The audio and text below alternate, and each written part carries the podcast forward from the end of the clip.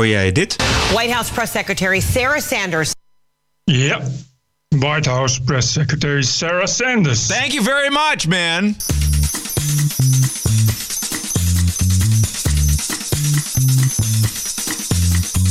This is the TPO podcast.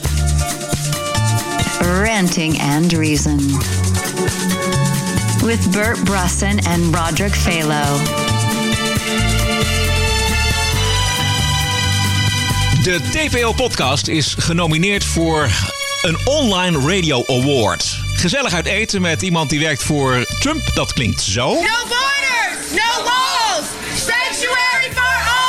Europese migratietop mislukt. What's new? Je ziet de belangentegenstellingen, je ziet de verschillende visies op elkaar botsen. Of dat in de komende dagen nog bij elkaar gaat komen, betwijfel ik. En de bonusquote komt van de concurrentie. Dit is aflevering nummer 73. This is the TPO podcast. En in de zon zit Bert Brussen. Bert, hoe gaat het? Ik zit nu even in mijn zweethokje. Maar dan heb ik wel weer eh, beter geluid dan dat ik hiervoor had. Ja, kun je een omschrijving geven van, dat, van die studio waar je, die je gemaakt hebt en waar je in zit? Nou, die is eh, een halve vierkante meter. Ja. Eh, en dat is, bestaat dan uit twee boekenkasten. En daar heb ik dan geluidswerend materiaal over gedaan. En eh, geflankeerd door twee betonnen muren. En daar zitten geluidswerende panelen op. Afgedekt door nog meer geluidswerend eh, materiaal als, eh, als dek. En, een, en een dekbed, wat ik er dan overheen gooi als deur. Dus dat houdt het ook lekker warm. En geluidsdicht, maar ook lekker warm. En hoeveel graden is het daar bij jou? Ik denk dat hier eh, tussen de 25 en 30 is. En buiten uh, behagelijke 30 uit de zon. In de zon al gauw 45. Zo. Oké, goed zo. Zondagavond, toen een select clubje Europese leiders de immigratiecrisis bespraken om bondskanselier eh, Merkel eh, van haar kabinetscrisis af te helpen, zat hoogleraar Paul Scheffer bij Nieuwsuur. En ik weet niet hoe het bij jou is, Bert, maar hij is een man die eigenlijk al jaren verstandige dingen zegt en schrijft Ja. over de multiculturele samenleving en immigratie. Georganiseerde migratie kan een enorme meerwaarde voor een samenleving zijn, maar ongecontroleerde migratie, en daar ging het natuurlijk vandaag over, zorgt voor maatschappelijke spanningen en heeft een enorme politieke prijs. Ik bedoel, die top, Polen en Hongarije zijn er niet bij. In Italië en Oostenrijk hebben nu regeringen die zich heel erg afzetten tegen migratie. En we moeten niet vergeten dat de Brexit, het uittreden van Groot-Brittannië uit de Europese Unie, ging ook over migratiecontrole. Dus dit is een van de grote vragen voor de toekomst van Europa. En je ziet de belangentegenstellingen, je ziet de verschillende visies op elkaar botsen. Of dat in de komende dagen nog bij elkaar gaat komen, betwijfel ik. Dit is een man uit het midden, eigenlijk links van het midden zelfs. In zijn studententijd was hij lid van de, van de CPN, later Partij van de Arbeid. Ook partijideoloog geweest bij de Wierde Bikman Stichting van de Partij van de Arbeid. Eh, maar iemand met een, met een grote realiteitszin op het onderwerp van samenleving, immigratie en Europa. En Europa wat zijn binnengrenzen heeft opgeheven. Wat een geweldige daad van vertrouwen is. Om zo je naar elkaar te openen. Dat is ook een Europa die een behoefte heeft aan een gemeenschappelijke buitengrens. Namelijk een idee, hoe gaan wij dan om met die migratie van buiten Europa? Daar zijn antwoorden gevraagd, gebeurt dat niet? Dan zul je een renationalisering van grenzen zien. Dan gaan landen zich weer op zichzelf terugtrekken. En dan gaat er ontzettend veel verloren. En nou heeft Paul Scheffer in opdracht van de Wetenschappelijke Raad voor het Regeringsbeleid vijf scenario's onderzocht. Wat er met de Nederlandse bevolking in aantal gaat gebeuren als er meer of minder immigranten de komende 40 jaar in ons land worden toegelaten. Scheffer bij Nieuwsuur nog een keer. kleine verschillen in een migratiesaldo grote gevolgen hebben. Dus zeg 20.000 mensen minder per jaar of meer per jaar maakt dus op een iets langere termijn, nou iets langer, we hebben het echt over 40 jaar, maakt 1,2 miljoen mensen meer of minder in de samenleving uit. Dus dat zijn enorme getallen. Als je het laagste scenario neemt, dus een heel restrictief migratiebeleid. Laten we zeggen, in de kom- politieke hoek van de PVV zit je Ja, dan? dan, gaat, dan ga je dus echt in de richting van een krimpende bevolking. Toch interessant om eens over na te denken wat daar de economische consequenties van zijn, de sociaal-culturele consequenties. Maar in het heel ruimhartige scenario. Dan zitten we misschien meer aan de GroenLinks-kant. Ja, zou je Ja? kunnen zeggen, maar ik heb het verder niet aan partijen Nee, nee, vastgemaakt. even voor de helderheid. Maar dan groei je dus naar een bevolking van 20 miljoen of meer. Dus er zit 4 miljoen mensen zitten daartussen, tussen die scenario's. Wat mij verbaast, en dat is mijn oproep ook aan parlement en regering... van denk nou eens gewoon na over een langere termijn. Want ik denk dat dat heel veel rust zou brengen in de samenleving... rond dit vraagstuk. En je ziet hoe het Europa op dit moment onder hoogspanning zet. Dus ik zou denken wat meer naar voren kijken... en ons eens de vraag stellen, wat zouden we willen? Juist.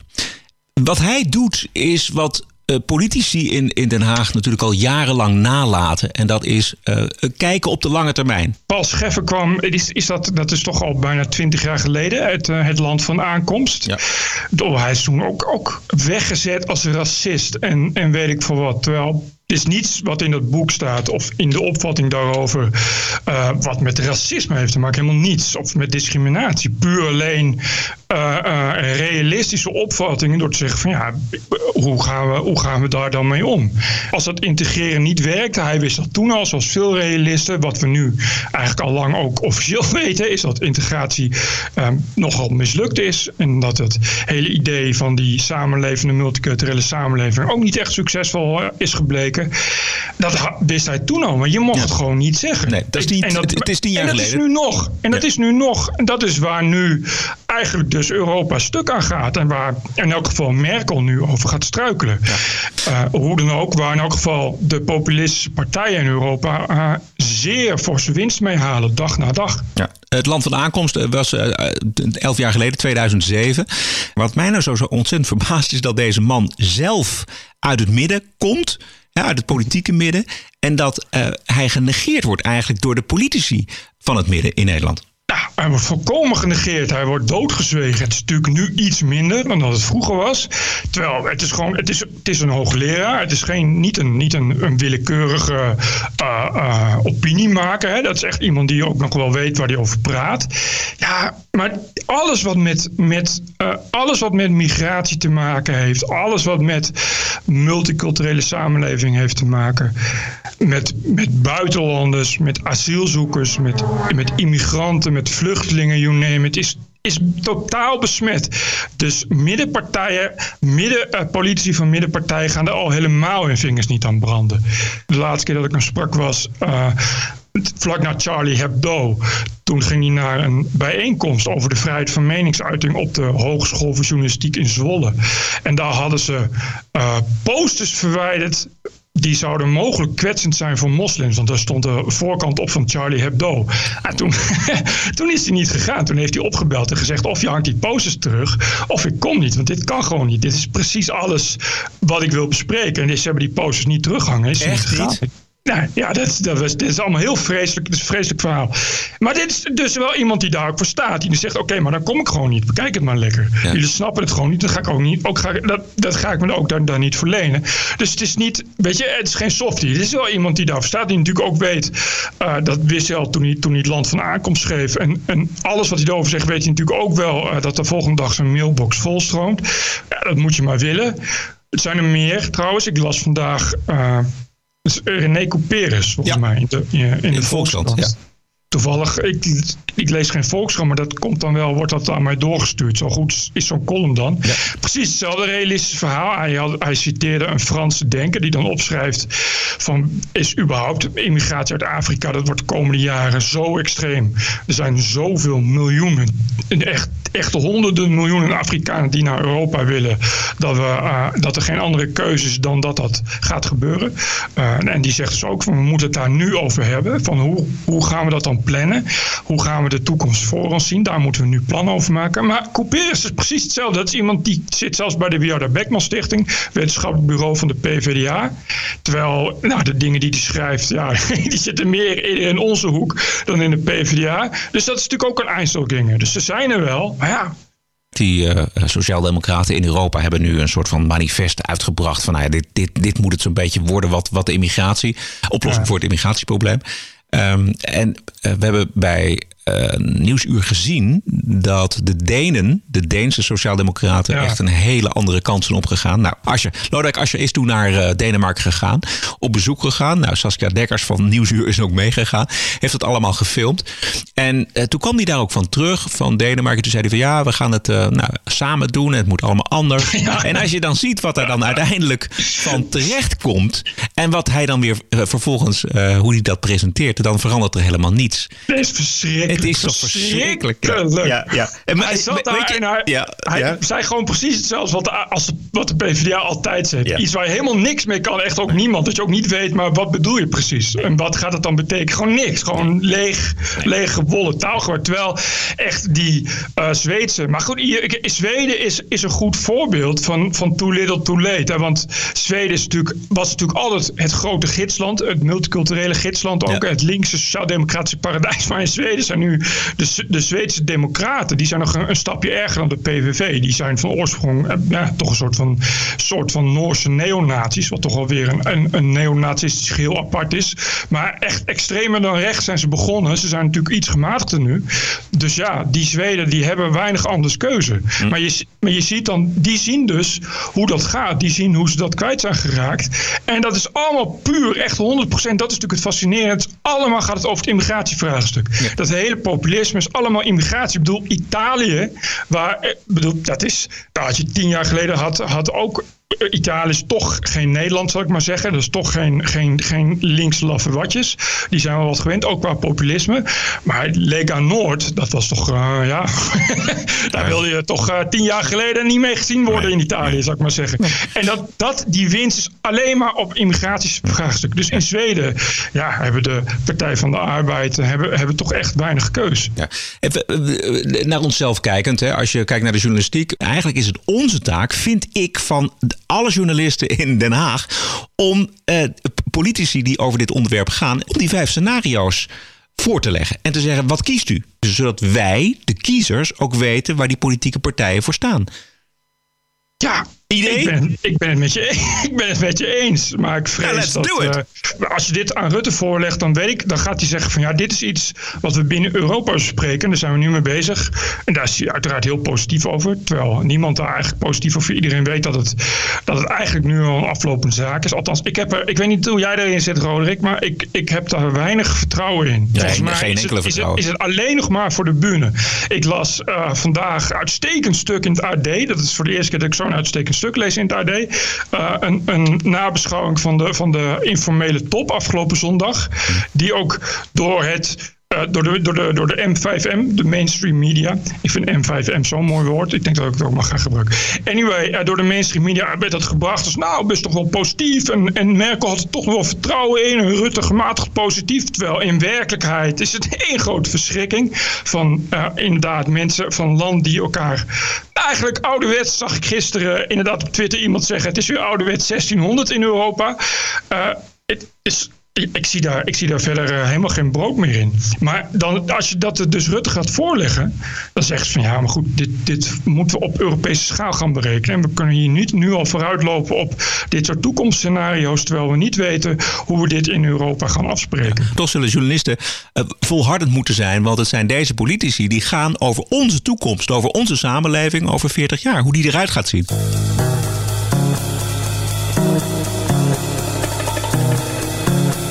TPO Podcast.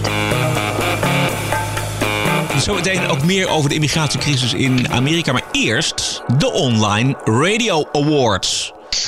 Want eh, ik zat te denken, ehm, omdat Bert zo gruwt van eh, mensen die prijzen krijgen, eh, Gouden, Gouden Kalveren, Edisons, ACO, literatuurprijzen en zo, is de TPO-podcast genomineerd voor de Online Radio Awards. En je kunt op ons stemmen en doe dat vooral om Bert een plezier te doen. Dinsdag 4 september namelijk vindt de uitreiking plaats. En als er nou één iemand op dat podium een prijs in ontvangst moet nemen, dan is het Bert Brussen van de TPO-podcast. Ik kan niet, ik ben geëmigreerd. Nee, je, gaat, Maar- je, komt, je maar, pakt het eh, vliegtuig maar. We- zijn niet genomineerd. Het is gewoon alle, je kan gewoon stemmen. En ze hebben gewoon een lijst gemaakt van eigenlijk alle podcasts, zo'n beetje die er zijn. We worden genoemd. Eh, je kunt op ons stemmen. En dat kan door te gaan naar onlineradioawards.nl. En dan moet je kiezen in het menu podcasts. En dan ga je naar de letter T en dan klik je meteen op stem direct en vul je je naam en je e-mailadres in en dan kies je ons. Ja, je kan ook op eh, presentatoren stemmen, op personen. Ja. Dus dan kun je op Bert Brussen of Roderick Velo stemmen. Of Hans Laroes. Maar ik, ik zou het toch echt leuk Lara vinden. Rensen. Ik zou het leuk vinden ik, ik- als we een, een beetje hoog eindigen eh, bij die eh, online radio awards. Ik kan daar nu al van genieten van, dat, van die gedachte. Ik ben blij dat jij zo blij bent met, eh, met toch een eh, prijsje. Maar, eh, ja, vooral voor jou, Bert. Als, als het dat- lijkt me dat, geweldig om, jou daar op, om jou, jou daar op dat podium tegen te komen. Ja, ik ga sowieso niet op dat podium staan. Maar als, daar, eh, als dat meer bekendheid oplevert, is dat natuurlijk wel heel mooi. Want geheid, geheid dat dan eh, de M5M eh, daar weer op gaan soppen op zo'n leuk zoveelste prijsje. Dus dan kom je toch eigenlijk in alle rubriekjes kom je dan weer een keer voorbij. En dat is mooi, want jij hebt televisieervaring. Dus jij mag dat dan mooi gaan doen. Bij je koffietijd gaan zitten en RTL Boulevard. Om te vertellen hoe blij je bent met deze prijs. En hoe- hoeveel dat betekent in je leven. Dat je zo'n prijs toch, toch wint. Hè? Dat lijkt me, het lijkt me ik, ik hoop, er komt ook een eh, gala. Het lijkt me heel leuk dat jij ook even naar zo'n gala eh, gaat. Een beetje ja, precies. Het te grote- laten zien hoe dat leeft bij Ja, jou. maar dan moeten wij ook iets terug doen. Dan moeten wij ook het TPO Podcast Gala organiseren. Oh, dat is- Eh, lijkt me een soort van meet-up. Gewoon voor alle, alle luisteraars en alle mensen die ons een warm hart toedragen. Om Dat lijkt daar, me- om daar ja. iets voor te organiseren. Zal ik de Johan Cruijff Arena vast reserveren? This is the TPO podcast. De haat tegen Trump in Amerika is eigenlijk eh, meer hysterie geworden. Het eh, zero-tolerance beleid eh, van eh, Trump aan de grens met Mexico... eh, die deed eh, ouders van kinderen scheiden. En daarmee ging de Trump-haat in de volgende versnelling. If you see anybody from that cabinet in a restaurant, in a department store, at a gasoline you get out and you create a crowd. And you push back on them. And you tell them they're not welcome anymore, anywhere. Ja, niet helemaal goed te verstaan, maar dit is Maxine Waters. Zij is een democrate uit Californië in het Huis van Afgevaardigden. En eh, zij roept mensen op om leden van de regering Trump lastig te vallen in restaurants en op tankstations, waar je ze ook tegenkomt. En dat gebeurt ook. No borders, no walls,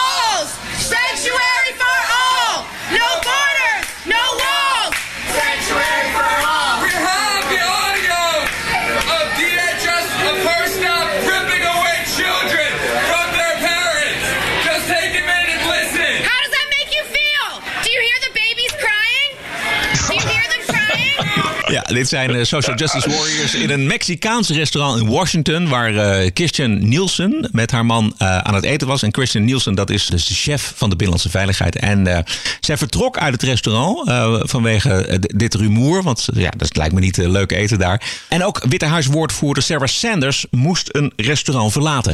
White House Press Secretary Sarah Sanders says she was out for dinner last night in Virginia when she was refused service at a restaurant because she works for the Trump administration. I want to bring in CNN's White House correspondent Boris Sanchez, who's been following these developments. So, Boris, what do we know? Hey there, Fred. Yeah, we got tipped off to this story after a server at the Redhead restaurant in Virginia posted on Facebook saying, and I'm paraphrasing, that they uh, attempted to serve Sarah Sanders uh, for a short while before the owner of that restaurant intervened and asked uh, Sarah Sanders and her family, seven of her family members, to leave the restaurant. Het wordt wel steeds erger, hè? Het wordt steeds erger, ja. Ik vind het ook een beetje eng, eh, moet ik zeggen. Eh, want het gaat echt eh, heel erg persoonlijk. Hè? Mensen worden echt uh, lastig gevallen. En ook zo'n Maxine Waters die dan oproept om uh, leden van het Trump-kabinet lastig te vallen. Die, die Maxine is een soort, soort Amerikaanse versie van Diane Abbott, volgens mij. Van de Britse Labour Party. Uh, wat zij doet, volgens mij mag dat ook helemaal niet. Dit, dit, dit grenst wel inderdaad aan het strafbare. Want het is inderdaad nogal ophitsen. Maar je mag niet zomaar... Uh, ambtslieden kun je, daar mag je niet zomaar tegen oproepen. Helemaal niet als je zelf een ambtslid bent.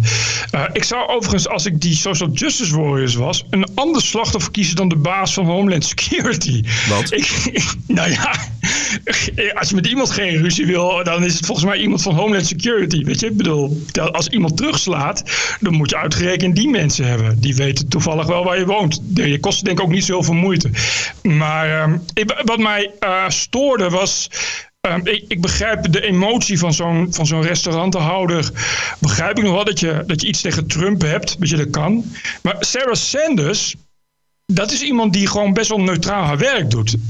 Die verdedigt Trump, maar dat is haar werk. Iedereen is, die met Trump eh, samenwerkt is besmet en, en deugt niet. Die vrouw van, van die Red Hen, ik heb dat gelezen in de Washington Post. Daar heeft ze uitgebreid een interview aan gegeven. En die zegt, ja, ik, ik, ik wilde niet dat restaurant, die, die, die uitbater van het restaurant, zei ja, ik, ik wilde Sanders niet in mijn restaurant. En vooral vanwege dat ze het beleid van Trump destijds heeft verdedigd om, om geen transgenders toe te laten in het leger. En want ze had ook homoseksueel personeel. Sowieso al een hele rare link tussen transgenders en homoseksueel, maar die kun je dan nog een beetje volgen. Wat echt, die vrouw begrijpt volgens mij ook helemaal niets van het beleid. Zelfs de panelleden bij CNN gaat de oproep van Maxine Waters uh, iets te ver. She is doing everything she can to prevent her own promotion. This is beyond overreach. It is so outrageous uh, that yeah. she is trying to motivate voters on her side to be as divisive as President Trump. As divisive as, uh, as, as Trump. Het is, het is, natuurlijk wel, het is wel uh, CNN, maar uh, dit kan nog uh, heel verkeerd aflopen, denk ik. Het is, dit is echt niet best. Uh, nou ja, goed, ik, ik, tegelijkertijd, uh, ik, ik mag aannemen dat uh, mensen als Sanders en, en of de baas, zeker de baas van Homeland Security, wel wat gewend zijn en ook de nodige beveiliging krijgen. en ik denk dat er per dag heel veel doodsbedreigingen binnenkomen bij Trump. Maar dat hoort een beetje bij de job. Dat zal bij eigen enkele president anders zijn. Dus, het, en het is ook Amerikaans natuurlijk. je lekker aanstellen, dat hoort er ook nog wel een beetje bij.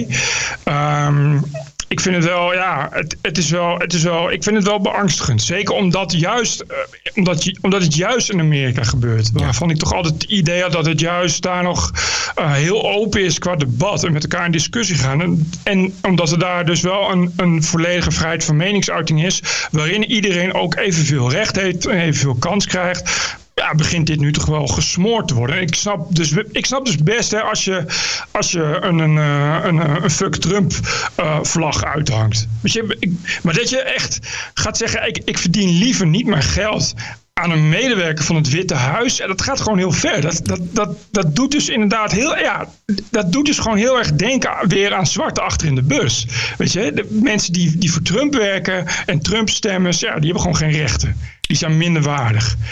Voor meer ontrafeling over de hysterie verwijzen wij uh, toch graag naar No Agenda podcast te vinden op noagenda.com. Uh, toch ook uh, enige bewondering voor de Amerikaanse president. uit toch wel onverwachte hoek eigenlijk. Filmlegende David Lynch, bekend van Twin Peaks en Blue Velvet en Wild at Heart. die zegt iets over Trump in The Guardian. Hij zou als een van de grootste presidenten de geschiedenis in kunnen gaan omdat hij de boel zo erg heeft ontwricht. Uh, niemand kan deze man op een intelligente manier bestrijden. Hoewel Trump zelf misschien niet goed bezig is, opent hij een ruimte waar andere buitenstaanders mogelijk zijn. Onze zogenaamde leiders kunnen het land niet vooruit helpen, kunnen niets gedaan krijgen. Net als kinderen zijn ze. En Trump heeft dat allemaal aangetoond. Dat vond ik Juist. opvallend. Ja, en het, het, mooie is dat het zo waar is. Dat, dat, dat daarmee, wat, wat Lynch zegt, dat is dus overal nu geldig in Europa.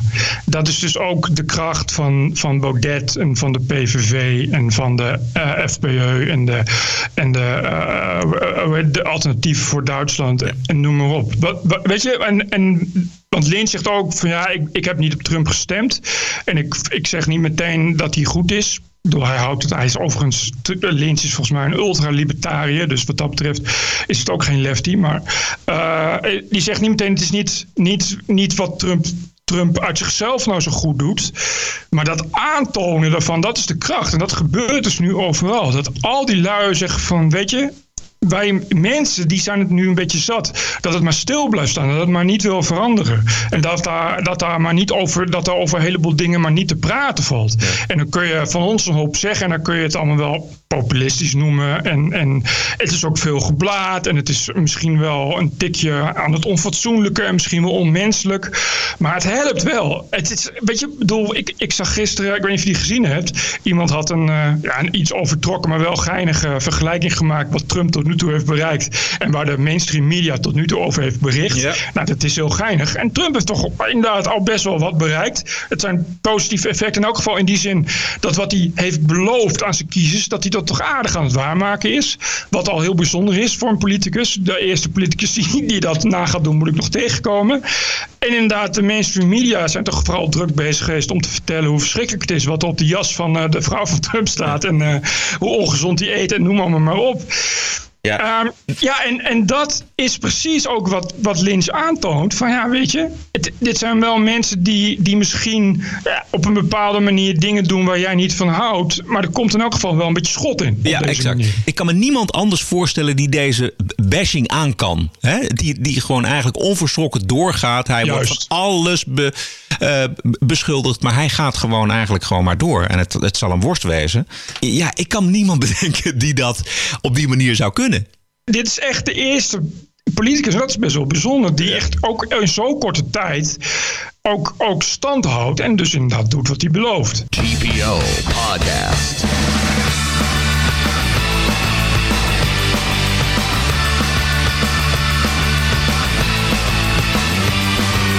Ranting and Reason. Met succesvol doneren worden er uh, bergen verplaatst. En hier is een prachtig voorbeeld. Mijn naam is Sid, dokter Sid Lucas. Zojuist overvalt mij het geweldige nieuws dat er 100% is gehaald van de crowdfunding. Toch een ontzettend mooi bedrag opgehaald om te gaan werken aan het project van de filosofische fundamenten van de Nieuwe Zuil. Nou, ik wil iedereen bedanken die heeft uh, bijgedragen. Dit is natuurlijk een geweldige kaakslag voor deugend Nederland. en ook een kaakslag voor de mainstream media die wel steeds een wortel hebben voorgehouden, maar er toch geen aandacht aan wilden schenken. Dus ik heb het gedaan dankzij alle lagen van de samenleving hebben gedoneerd. Ik wil iedereen bedanken. Chris Alberts, de TPO, Bert Brussen, Bas Paternotte, uh, Novini wil ik bedanken. Ik wil Saltmais bedanken, Café Weltschmerz, iedereen die het heeft gedeeld. Ik wil alle politici bedanken die het stiekem wel met me eens zijn, die geld geven, maar het publiekelijk niet durven zeggen. Ja. Wat is er voor project, eh, Bert? Volgens mij, uh, als ik het goed heb, uh, het, is, uh, het, het, project heet ook Verhalen uit de samenleving. Is het inderdaad echt praten met gewone mensen. Hij heeft echt opgeroepen aan mensen van welke problemen. Ja, hij zit natuurlijk op het cultuur-marxistische vlak. Hè? Ja. Dus, dus welke problemen, politiek correcte problemen komen jullie tegen? En daarover gaat hij, gaat hij publiceren. het mooie vind ik, weet je dat het echt, het werkt ook echt zo. Dit is echt volgens mij, ja, je kan er een hoop over zeggen, maar volgens mij zijn we een van de weinigen waarin dat crowdfunden zo succesvol is. Uh, en Sid, die heeft, ik heb het hem gevraagd, in, in minder dan één jaar tijd al 12.500 euro opgehaald aan donaties voor zijn projecten. Ja, geweldig. Je, en dat, dat is toch al een half modaal jaarsalaris. Ja, ik, ik vind dat mooi. En, en je ziet hoe, me, hoe blij die mensen ook zijn. Want je hebt dat, hij doet dat op, op dat crowdfund platform voor de kunst heet dat. Ja. En als je dan doneert kun je een boodschap achterlaten. En als je dan leest, er zijn dan 150 mensen die dan schrijven. Ja, Sid is een, een, een unieke stem in het medialandschap. Heerlijk, dit soort realisme. Mensen zijn er echt heel erg blij mee. Wat je ook van die Sid Lucas vindt. Want je kan er natuurlijk heel veel van vinden. Ja. Maar niet alleen, niet alleen de, dus gewone mensen in de samenleving, maar blijkbaar wat hij ook zelf zegt, politici. Politici die hem eigenlijk wel uh, goed vinden en vinden dat hij een punt heeft, maar dat niet in het openbaar durven zeggen. Nee, daar zijn ze politicus voor. Ja, nee, dat, daar heb je David Lynch weer. Precies dat. Oh ja. Precies dat. Trump zou daar dus inderdaad scheid aan hebben. Die ja, zou waarschijnlijk meteen twitteren dat, ja, hij, zit, exact, dat hij shit geweldig vindt. Uh, en een hoop geld overmaken. Overigens, volgens mij zit Forum voor Democratie ook aan het crowdfunden. Voor maar liefst 1 miljoen euro. Zo. Uh, voor ik ben benieuwd of... Ja, gewoon voor geld. Ja. nou, maar dat is echt ook goud. En ja. het, het zou me echt niet verbazen als ze dat gaat lukken. Maar goed, ik vind echt bij Sid vind ik het echt geweldig. En we hadden ook, ik had die dag, want hij mailde mij en zei: Nou, ik, ik heb nog, uh, nog, ja, ik geloof dat hij nog 1000 euro nodig had. Dus ik heb een lollig tekstje getikt. Nou ja, een paar uur later heb je al 1000 euro ja. weer meer binnen. en dan denk ik van ja, ik zie dat nog lang niet iedereen doen. Ranting and Reason. TPO Podcast.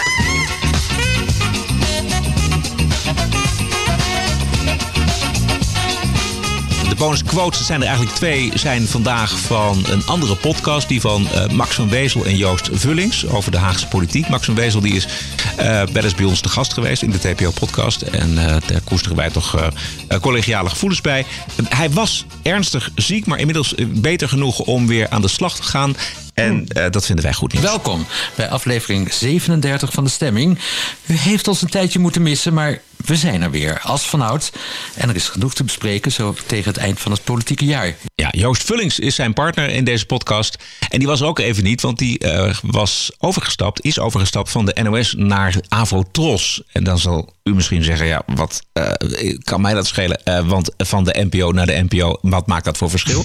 nou, dat maakt wel degelijk verschil. Weet je, journalistieke redacties lijken allemaal heel erg op elkaar. Maar er is één heel groot verschil tussen de NOS en de Avotros. Namelijk? Als je bij de NOS in de lift stapt, wat hoor je dan in Hilversum? Radio 1. En bij de Afrotros. Sterren.nl. Dat is echt een cruciaal verschil. Want de NOS wil je maar informeren. En dat, dat gaat zelfs door tot in de lift. En dan heb je bij de Afrotros gewoon gezellige muziek van Sterren.nl. Hoe klinkt Sterren.nl? Dat is gewoon Nederlandstalige muziek. en het grappige is nou namelijk, Bert, dat Sterren.nl, dat is een, een internetstationnetje van Afrotros. Dus dan, dat kan nog. Maar ik heb nog meegemaakt, want ik heb ook mijn uh, jaren bij de publieke omroep. Uh, dat ze bij de publieke omroep gewoon in de lift Sky Radio aan hadden. Jeez. Ja.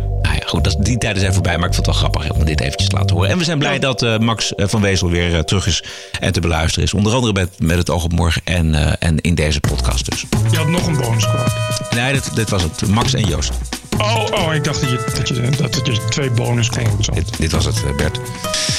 Uh, tot zover uh, nummer 73. We zijn uh, dinsdagmiddag er weer. En dan is het 3 juli. vergeet niet te stemmen voor de Online Radio Awards. En er is nog een andere manier om uw waardering te uiten voor de TPO-podcast. En dat is naar de website te gaan, tpo.nl slash podcast. En daar kunt u doneren ter ondersteuning van dit geluid. Heb een mooie week en tot de volgende. Ja, tot volgende week mensen. TPO Podcast. Bert Bruson, Roderick Balo. Ranting and Reason.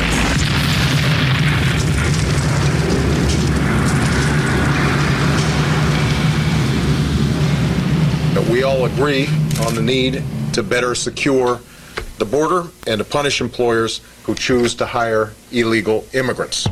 Uh, you know, we are a generous and welcoming people here in the United States, but those who enter the country illegally and those who employ them disrespect the rule of law, uh, and they are showing disregard for those who are following the law. Uh, we simply cannot allow people to pour into the United States undetected, undocumented, unchecked, and circumventing the line of people who are waiting patiently, diligently, and lawfully uh, to become immigrants in this country.